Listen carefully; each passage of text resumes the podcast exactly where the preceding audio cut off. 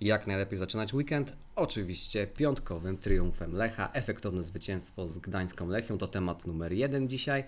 A oprócz tego oczywiście czekający nas pewnie wielki kolejny wieczór, czyli mecz czwartkowy z Djurgarden, a w weekend wyjazdowe starcie z Piastem Gliwice. To trzeci odcinek Poznańskiego Ekspresu, a przy mikrofonie witają Was Marcin Jerzyk. I Radek Laudański. Zaczynamy.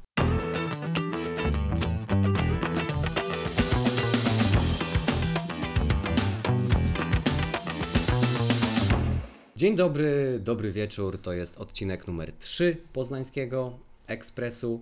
E, Niemal już tradycyjnie się z Wami przy, tej, przy tych okolicznościach witamy. No i tak jak wspomniałem na samym początku, e, Zaczęliśmy ten weekend najlepiej jak się tylko dało. Ja przyznaję się, że za tymi piątkowymi meczami tak przepadam średnio, no bo to człowiek ledwo zdąży wrócić e, z pracy, chwila z rodziną i już trzeba pędzić na bułgarską. No ale takie piątki to ja mogę mieć e, jak najczęściej. Myślę, że e, po tym wieczorze to nawet w przeglądzie sportowym nie mieli specjalnie e, powodów, żeby na e, kolejorza e, narzekać. Ja sobie troszeczkę żartowałem e, po tym meczu, że to była taka prawie, że żoga bonita, no ale oczywiście mówiąc e, pół żartem, e, pół serio, wiele, wiele się e, Lechowi e, udało. No i nam się też częściowo udało przewidzieć to, jak ten mecz e, będzie wyglądał, a przynajmniej przewidzieć to, jak byśmy chcieli, żeby ten mecz wyglądał. Miało być przełamanie, no i było przełamanie.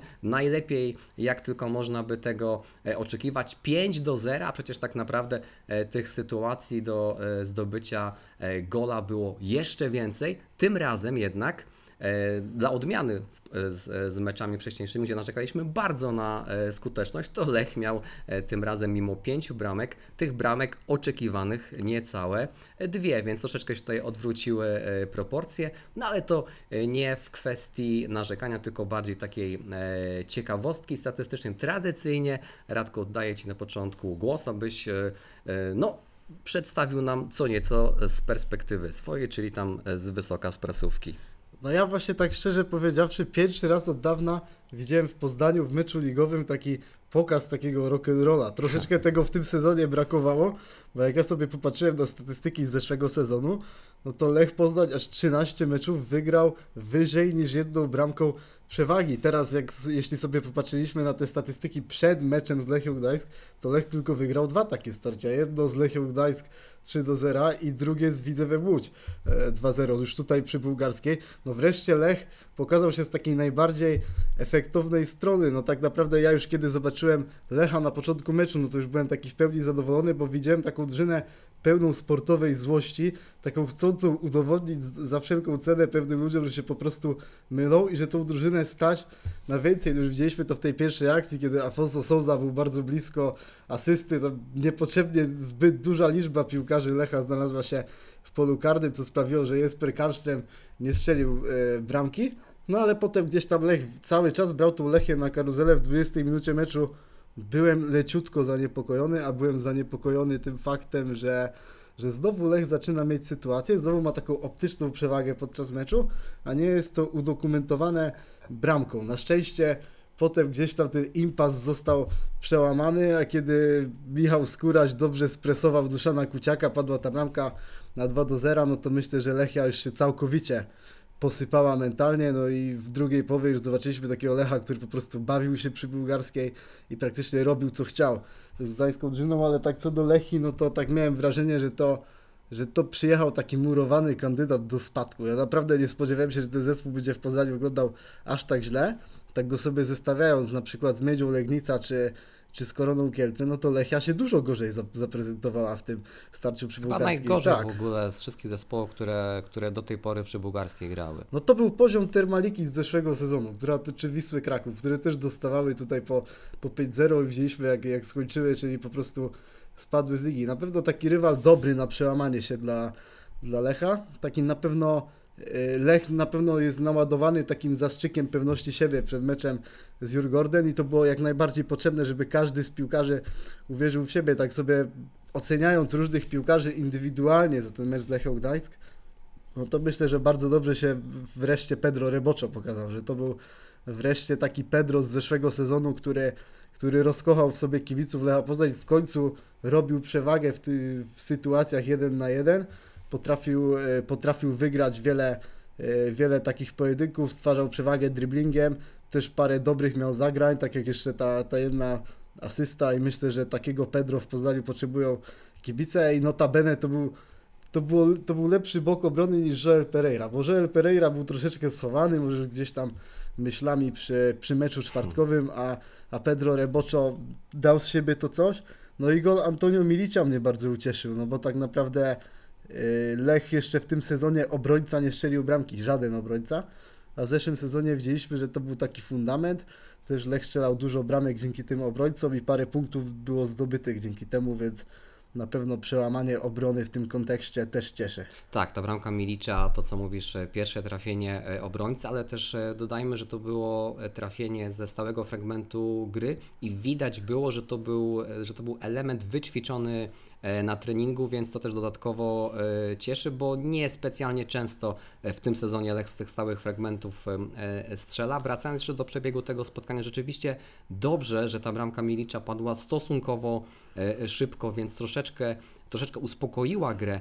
Ja miałem takie spostrzeżenie jeszcze przed bramką Michała e, Skurasia, że troszeczkę nie wykorzystujemy tego, że Lechia, Lechia ma tak duży problem z wyprowadzaniem piłki i nie presujemy jej wystarczająco mocno w tercji obrony Lechi. No i chwilę później właśnie Michał Skóraś pokazał, że wystarczy dwa razy mocniej założyć pressing, aby Lechia się pogubiła e, kompletnie. No tak jak wspomniałeś, sportowo to chyba najsłabszy zespół, który póki co się na bułgarskiej pojawił.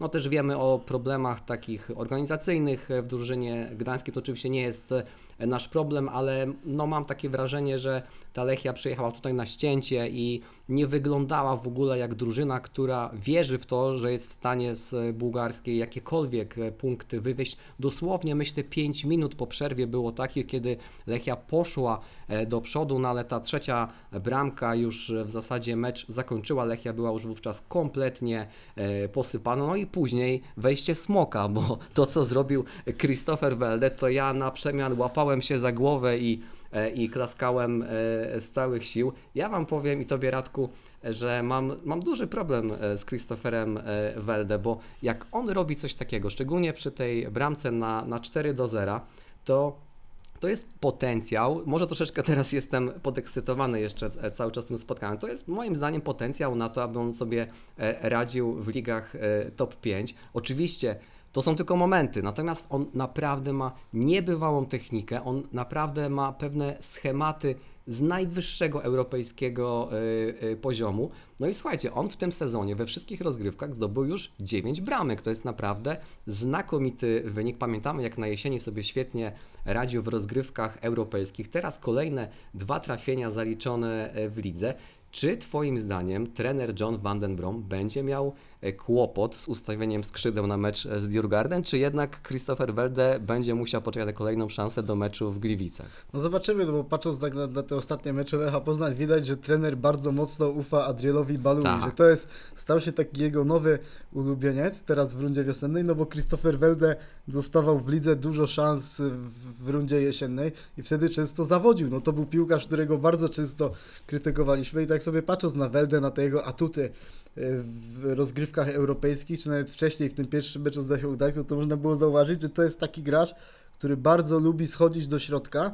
Jeśli chodzi o to zejście do środka, o ten strzał z dystansu, to on jest znakomity po prostu. I to ma na najwyższym poziomie. No, u niego gdzieś tam zawodzi bardzo mocno ta decyzyjność boiskowa, jak on ma brać udział w takiej grze podaniami z innymi graczami, no to widzimy, że często podania do niego sprawiają, że akcja, akcja zostaje gdzieś tam totalnie położona i, i ja myślę, że trener będzie miał duży dylemat przed tym, kogo postawić na skrzydłach. Ja tak sobie gdzieś tam analizując poszczególnych piłkarzy Lecha, ja mimo wszystko postawiłbym na Skurasia i Szymczaka w tym meczu, bo ja tak naprawdę u Szymczaka nie widziałem pół złej decyzji w ostatnim czasie po tym meczu z Hapoelem Berszewa, jak on się przełamał i myślę, że, że tutaj w tym meczu u siebie może być ważna taka współpraca na linii Szymczak, Souza i Pereira i tak jak jeśli oni będą tworzyli taki trójkąt, no to myślę, że, że Lech może gdzieś tam jakoś rozerwać tą obronę przeciwnika. Christopher Welde mógłby być takim dobrym motorem napędowym, który mógłby wejść z ławki i gdzieś tam zrobić tą przewagę w takich pojedynkach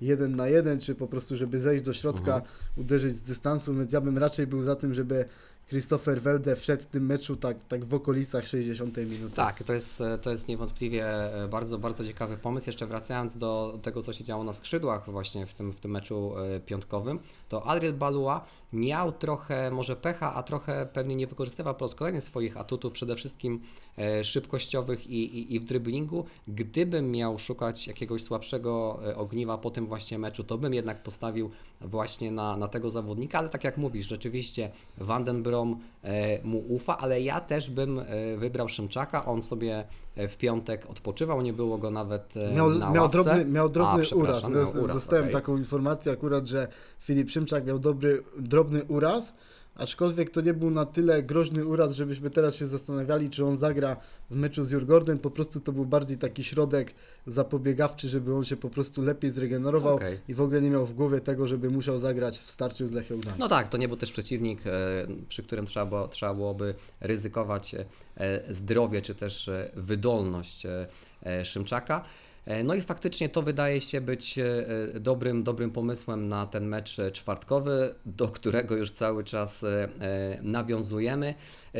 Sytuacja ligowa się po tym meczu piątkowym e, nieco dla Lecha e, poprawiła, zrobiło się nieco bezpieczniej. Punkty e, stracił Widzew, przegrywając u siebie z Wartą. Przegrała również Szczecińska Pogoń. Co prawda oba zespoły, które są w tabeli przed Lechem, swoje mecze wygrały, no ale patrząc za nasze plecy, tam gdzie nas to w tym momencie na ten moment przynajmniej właśnie bardziej e, interesuje, to jest, jest ta sytuacja nieco bezpieczniejsza. Może zanim porozmawiamy o Djurgarden, to powiedzmy sobie, zakończmy ten temat e, ligowy, powiedzmy co nas e, czeka w niedzielę, co jest oczywiście nieco trudne, bo nie wiemy jak będzie wyglądał mecz czwartkowy, nie wiemy kto, kto tam wystąpi i jak będzie wyglądało, będą wyglądały markery zmęczeniowe chociażby poszczególnych piłkarzy, ale możemy sobie już co nieco powiedzieć o naszych e, oczekiwaniach albo o e, naszych e, prognozach na to właśnie spotkanie. Nie powiem nic odkrywczego, ale to będzie kolejny trudny mecz dla Lecha. Na bułgarską przyjeżdża lubiany, to może dużo powiedziane, ale znany tutaj Aleksander Wukowicz. No i zobaczymy, co, co Wuko wymyśli. W każdym razie, tak jak mówię, nie będzie to łatwe spotkanie. Piast walczy o utrzymanie. Powiedziałem, że przyjeżdża na bułgarską. Nie przyjeżdża na bułgarską, bo gramy, gramy na wyjeździe w, e, w Gliwicach, więc to Lech jedzie e, do e, Gliwic. Piast walczy o utrzymanie. E, Jak się, czego się spodziewasz po tym, e, po tym niedzielnym spotkaniu? Mecz w niedzielę o godzinie 15. Piast jest taką żydą, myślę, w miarę nierówną ciężko tak naprawdę się czegokolwiek spodziewać po tym zespole. No chciałbym, żeby Lech na pewno pokazał się z lepszej strony niż w tych starciach z Zagłębiem Lubin i ze Śląskiem Wrocław, no bo to były takie mecze naznaczone rotacjami i niejako myślę, że, że to, te mecze przegrane były też konsekwencją tego, że Lech po prostu poświęcił wszystko na te, na te mecze w Lidze Konferencji Europy i taka rotacja po prostu miała konieczność. Też John Van den Brom mówił teraz po tym meczu, że on tak naprawdę zawsze wystawia taką kluczową jedenastkę, taką galową jak teraz, tylko nie zawsze okoliczności temu sprzyjają. Teraz miał, prawie, teraz miał prawie tydzień wolnego przed y, y, tydzień dzielił mecze z Lechią i, i z Jurgorden, więc, więc na pewno te pole do, do manewru miał trener zdecydowanie większe, mogli grać ci, ci najlepsi gracze. Na pewno w ostatnim czasie beneficjentem jest Afonso Souza, bo on znowu zagrał bardzo dobry mecz teraz z Lechią Gdańsk i mam wrażenie, że tak jak często John Van den Brom miał taki dylemat, jak ten środek pola zestawić, czy ma zagrać Souza, czy Marchwiński, czy wcześniej Amaral, tak teraz Souza mi się wydaje, że wygrał tą rywalizację, bo zagrał w pierwszym składzie z Bodo Glimt, zagrał w pierwszym składzie w meczu z Lechią, w tych starciach pokazał się z bardzo dobrej strony i też spodziewam się jego w pierwszym składzie teraz w czwartkowym spotkaniu. No i myślę, że jeśli mamy rozmawiać o takich piłkarzach Lecha Poznań, którzy, którzy mają obniżkę formy, to oprócz wspomnianego Balui, który jest bardzo chimeryczny i, i który zawodzi po prostu, bo, bo to jest gracz, który po prostu ma, ma warunki takie motoryczne, jest graczem na tyle kreatywnym, żeby Lechowi dać zdecydowanie więcej. I tak jak w zeszłym sezonie mówiliśmy, że on nie ma tych, tych liczb, bo gdzieś tam inni nie wykorzystują jego szans i tak dalej, tak myślę, że tutaj powoli ten kredyt zaufania się kończy i on po prostu powinien zdecydowanie więcej pokazywać w tych meczach niż robić po prostu wiatr na tym skrzydle. A drugi taki piłkarz, który mnie nieco zawodzi, to jest Nika Kwekweskiri i, i tutaj już abstrahując od tego, czy on gra z Kalsztremem, czy z Murawskim, czy bez, bo wiadomo, że bez nich on wygląda gorzej, bo to nie jest taki stricte defensywny pomocnik, jak on dostanie te te zadania na pozycję numer 6, ale nawet jak teraz on grał przy Jesperze Kalsztremie, to miałem wrażenie, że on ma pewne problemy, że, że dużo takich było niedokładnych zagrań, że troszeczkę był taki też chimeryczny, taki nieco ospały na tym boisku, więc naprawdę jestem zadowolony z tego, że Radek Murawski wraca do, do składu i biorąc pod uwagę te okoliczności, wydaje mi się, że wreszcie w Lechu się skrystalizował taki, e, taki wyjściowy środek pola, czyli Murawski, Kalsztrem, Souza. Tak, to Souza wydaje się, że nie tylko no, skorzystał e, z tych ostatnich spotkań, ale no, wręcz no, wszedł na taki poziom, który no, raczej nie poddaje tutaj teoretycznie pod, pod dyskusję jego pozycji e, w drużynie. Wszedł w rytm meczowy, naprawdę e, pokazuje te wszystkie atuty czysto piłkarskie, o których e, mówiliśmy w jego kontekście, kiedy do Lecha z Portugalii trafiał. No i zestawiając go właśnie z zawodnikiem, który wcześniej grywał na dziesiątce, czyli z Filipem Marchwińskim, tu wydaje się, że jednak ta różnica klasy takich umiejętności czysto piłkarskich, też wchodzenia w taką, w taką małą grę jest zdecydowanie na korzyść Portugalczyka. Co do Kwekweskiriego, no to jest to zawodnik, który na pewno ma, ma swoje atuty, natomiast e, w takiej grze na, na poziomie już europejskim z takim przeciwnikiem, e, no, mam wrażenie, że jednak e, pewne niedociągnięcia jego, szczególnie taka pewna nonszalancja w grze, podejmowanie czasem bardzo ryzykownych decyzji, które się kończą stratą piłki, raczej by wskazywało, wskazywały na to, że też spodziewałbym się Radosława Murawskiego w tym meczu czwartkowym. Co do niedzieli, no to pewnie,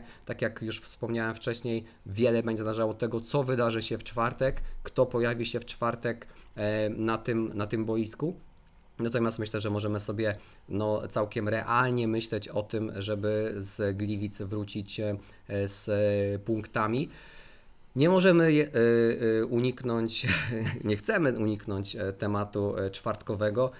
W- Tak się złożyło, że w pierwszym odcinku Poznańskiego Ekspresu zapowiadaliśmy wielki wieczór e, przy Bułgarskiej. Ten, przed tym meczem rewanżowym z Bodo Glimt, no to czeka nas kolejny e, wielki e, wieczór. Nie będzie świętowania, przynajmniej nie będzie świętowania e, awansu, no ale możemy spodziewać się chyba kompletu publiczności, bo dzisiaj po 16 Maciej Henschel podawał, że około 1,5 tysiąca biletów już tylko zostało w sprzedaży, z czego większość na e, trzecie e, piętro kotła, więc do tego czwartku pewnie te bilety e, zdążą jeszcze zejść, także będzie gorąco i na trybunach, i na boisku. No tylko trzeba się po prostu e, ciepło ubrać i po raz kolejny zaopatrzyć się w e, ciepłą herbatę, bo e, prognoza nam mówi, że nawet możemy spodziewać się całkiem e, sporych opadów e, śniegu i temperatury ujemnej, ale to nie powinno nikomu przeszkadzać.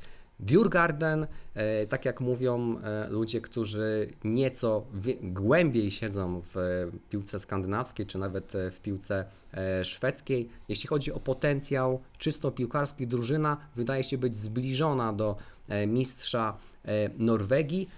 I w związku z tym też wydaje się, że może to być drużyna, z którą na pewno Lech ma szansę, aby powalczyć. Natomiast z racji tego, że ten pierwszy mecz e, gramy u siebie, no to przydałaby się zaliczka przed, e, przed rewanżem, przed wyjazdem do Sztokholmu, przed grą na tej e, sztucznej murawie. O tym więcej będziemy mówić już przed meczem rewanżowym. No ale teraz no, na pewno Lech będzie musiał jednak po pierwsze e, zagrać na tyle bezpiecznie, aby tej bramki u siebie możliwie nie stracić, no ale po drugie tak, żeby wykorzystać swoje e, atuty w ofensywie. Djurgarden zresztą też jest ekipą, która e, potrafi grać ofensywnie, która dużo bramek strzelała na wyjazdach e, w rozgrywkach europejskich e, w tym sezonie.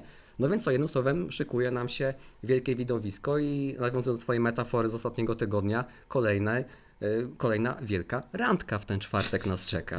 Ja mam wrażenie, że, że, że ten nasz najbliższy rywal będzie troszeczkę stylem gry przypominał Eintracht Frankfurt, że to jest taka drużyna grająca ofensywnie, aczkolwiek oddająca piłkę rywalowi i taką inicjatywę w cudzysłowiu. To jest pewnie to jest taka drużyna, która troszeczkę głębiej się broni, ale przeprowadza kontrataki z dużą ilością piłkarzy na dużej dynamice i na pewno trzeba uważać na taką drużynę, bo jak Lech będzie chciał grać tak jak, tak jak sobie życzy tego John van den Brom w takich meczach, gdzie Lech ma inicjatywę, no to po prostu trzeba się wystrzegać takich błędów jak w meczach ze Śląskiem Wrocław, bo jeśli nasz ten rywal złapie na, na wykroku w tej fazie środka boiska, no to mo- może być naprawdę nieciekawie, więc ja się spodziewam troszeczkę innej drużyny niż Bodo Glimt, bo Mhm. Bodo Glimt to była bardziej taka drużyna grająca atakiem pozycyjnym, Mhm. gdzie oni mieli bardzo dobry środek pola, gdzie, gdzie jakby tak naprawdę tak pozostałe formacje by wyglądały tak jak ten środek, to, to tak naprawdę moglibyśmy nie mieć czego zbierać tutaj w Poznaniu czy, czy w tym meczu e, w Norwegii. Tutaj wydaje mi się, że w środku pola przewagę będzie miał Lech Poznań i to on tam wygra tą, y, tą rywalizację.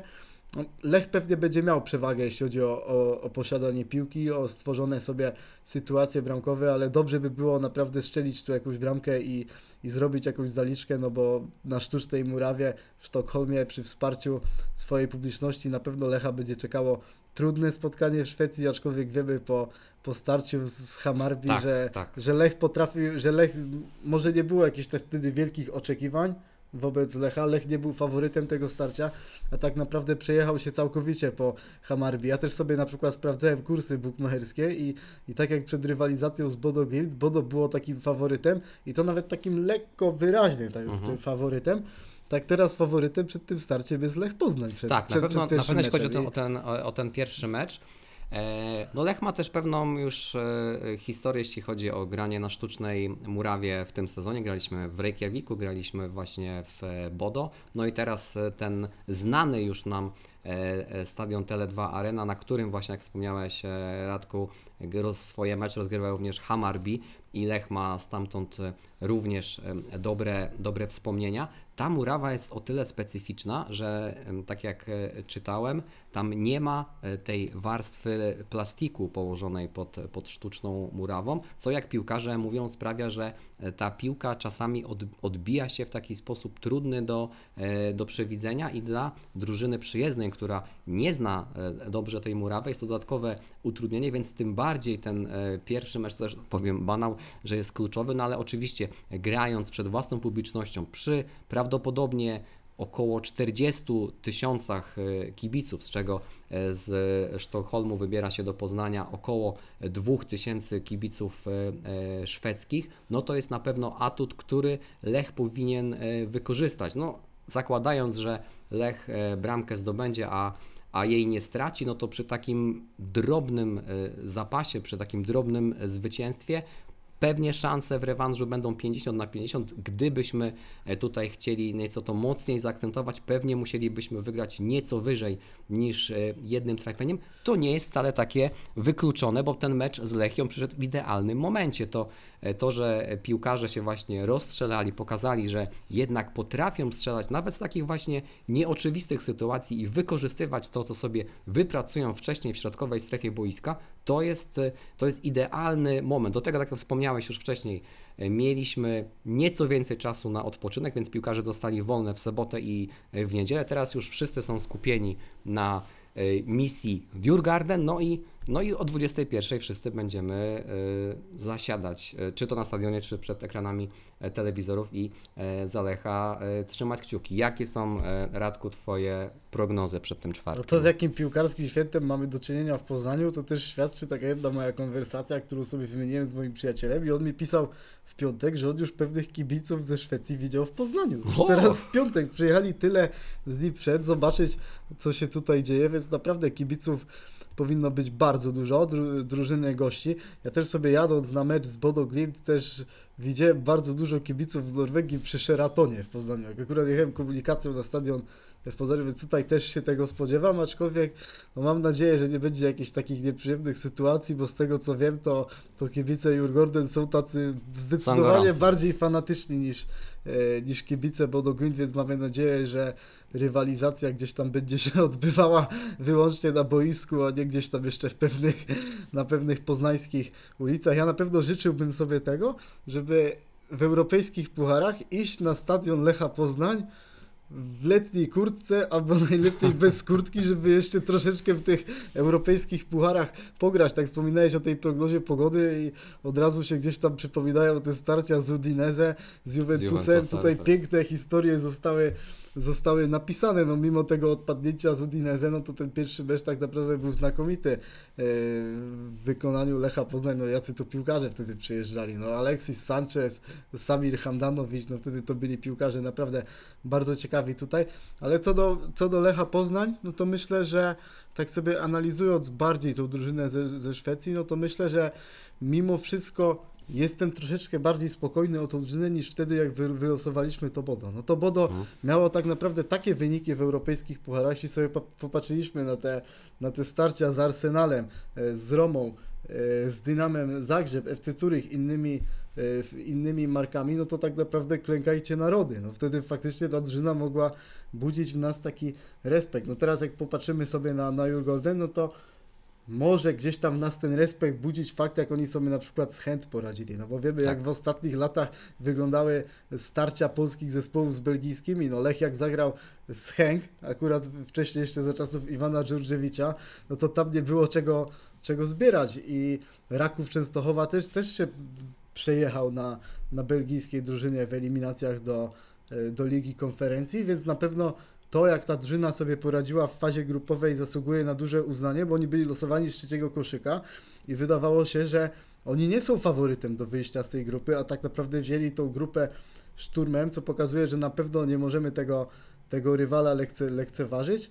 No ale myślę, że dobrze ten zespół zna na pewno Jesper Karlström i Szak Dagerstal będąc tam, no myślę, że też myślę, że też gdzieś tam mają dużo znajomych w Szwecji i na pewno też w jakimś stopniu jest jakiś bank zdobywany przez Lecha Poznań, bo ja sobie też czytałem y, wywiad bodajże z Johnem Van den Bromem jeszcze przed meczem z Bodo Glimt i on właśnie wspominał, że, że przed meczem z Bodo Glimt on, on wykorzystał swoje takie znajomości, jakie ma w Holandii z ludźmi z PSV Eindhoven i wtedy, i wtedy sztab PSV pomagał, pomagał Lechowi przygotować takie raporty, które miały rozpracować Bodo. Więc to są takie informacje, o których dużo się nie mówi, aczkolwiek nasi piłkarze też tam mają swoje kontakty i myślę, że, że w jakimś stopniu to może zostać wykorzystane. Tak, a analitycy już e, na pewno e, ostro pracują i e, procesory laptopów rozgrzewają się do, do czerwoności.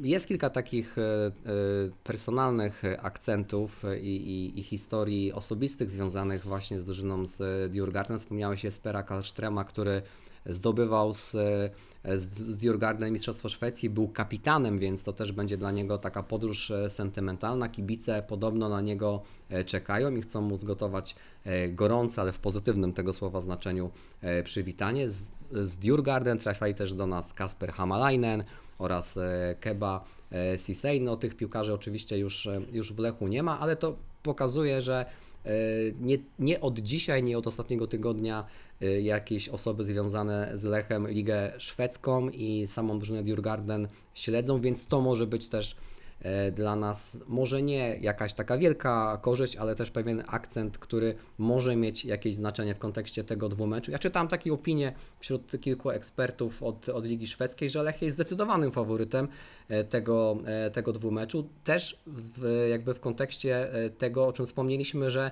e, Djurgården gra niezwykle e, ofensywnie i to tutaj wedle, wedle niektórych osób śledzących e, futbol szwedzki może być właśnie e, takim elementem rozstrzygającym dla e, zespołu e, poznańskiego. Natomiast no, według mnie jednak e, ten mecz będzie mocno wyrównany. Nie, nie zdziwiłbym się, gdyby był e, tak wyrównany jak to spotkanie e, z mistrzem Norwegii, ale zestawiając ze sobą te, te dwie ekipy, czyli Norwegów i e, Szwedów, na pewno te wyniki Szwedów e, w Lidze Konferencji robią wrażenie, no przecież wygrali, e, wygrali swoją e, grupę, ale tak jakby patrząc, przyznam się, oglądałem tylko skróty e, tych e, meczów, to poza właśnie tym występem e, w Belgii, pozostałe nie były jakieś takie imponujące. Na pewno Norwegowie mają większe doświadczenie na arenie międzynarodowej. To nie był ich pierwszy sezon na, na takim poziomie.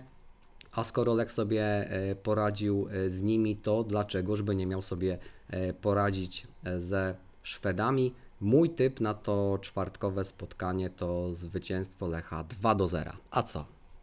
Ja też właśnie chciałem powiedzieć, że będę typował A nie 2 do umawialiśmy 0. się na to. Nie, nie umawialiśmy się na to typowanie, ale też tak sobie właśnie pomyślałem o, o 2 do 0, ale też tak właśnie konkludując tą moją wypowiedź na temat tego meczu, no to myślę, że tutaj jest naprawdę do stworzenia piękna historia, no bo my nie, nie przywykliśmy do tego, że polska drużyna walczy o ćwierćfinał europejskich pucharów, no to była taka sfera nieosiągalna Tak. przez długie lata dla, dla polskich klubów, a Lech Poznań walczy nie tylko z Jurgorden o to, żeby awansować do ćwierćfinału, ale też, żeby zdobyć sobie tyle punktów do rankingu, żeby być rozstawionym w przyszłej edycji Ligi Konferencji i żeby znów trafić takich łatwych rywali w eliminacjach, tak jak teraz były kluby z Islandii, e, z Luksemburga, z którymi Lech nawet będąc wtedy w takim głębokim kryzysie, jaki jeszcze był latem, po prostu potrafił e, sobie poradzić, więc to jest szansa, żeby zbudować sobie tutaj taką międzynarodową renomę i żeby te europejskie puchary stały się w Poznaniu taką ciągłością, żebyśmy my na to nie czekali kilka lat, tylko żebyśmy może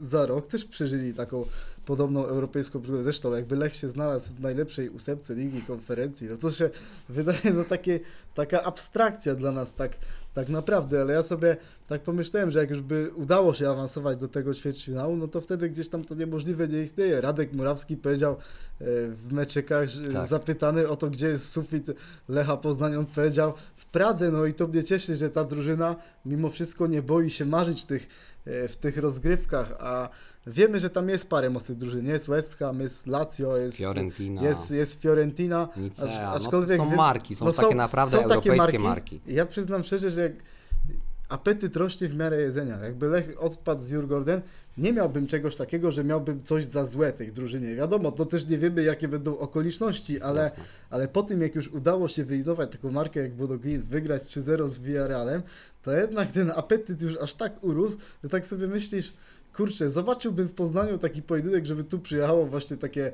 takie Lazio, taki West Ham, czy, czy taka Fiorentina i, i mam wrażenie, że ta po, poznańska publiczność zasłużyła na taki pojedynek. Mam nadzieję, że do takiego starcia dojdzie, no i też trzeba oddać cześć naszym kibicom, no bo oni już podczas ostatniego starcia z Bodo Glimt y, wyśrubowali zdecydowany rekord frekwencji w lidze, w lidze konferencji, jeśli chodzi o, o ostatnią kolejkę. Teraz zostanie ta liczba jeszcze, jeszcze poprawio- poprawiona. Z tego co wiem, to nie będzie mogło przyjść 40 tysięcy, będzie, 30, będzie prawie 40, 39 z taką dużą nadwyżką, bo po prostu tyle, Bufory. tyle zajmują te bufory bezpieczeństwa, no ale myślę, że komplet wyprzedanych miejsc przy, przy tak dużym stadionie to jest naprawdę coś, co zasługuje na, na bardzo dużo uznanie i możemy to w jakiś sposób porównać do, do Romy w lidze konferencji, że Lech jest troszeczkę taką Romą z zeszłej edycji, gdzie, gdzie też potrafiło całe Stadio Olimpico przyjść na, na, na mecz z Bodo Glimt i pokazać, że,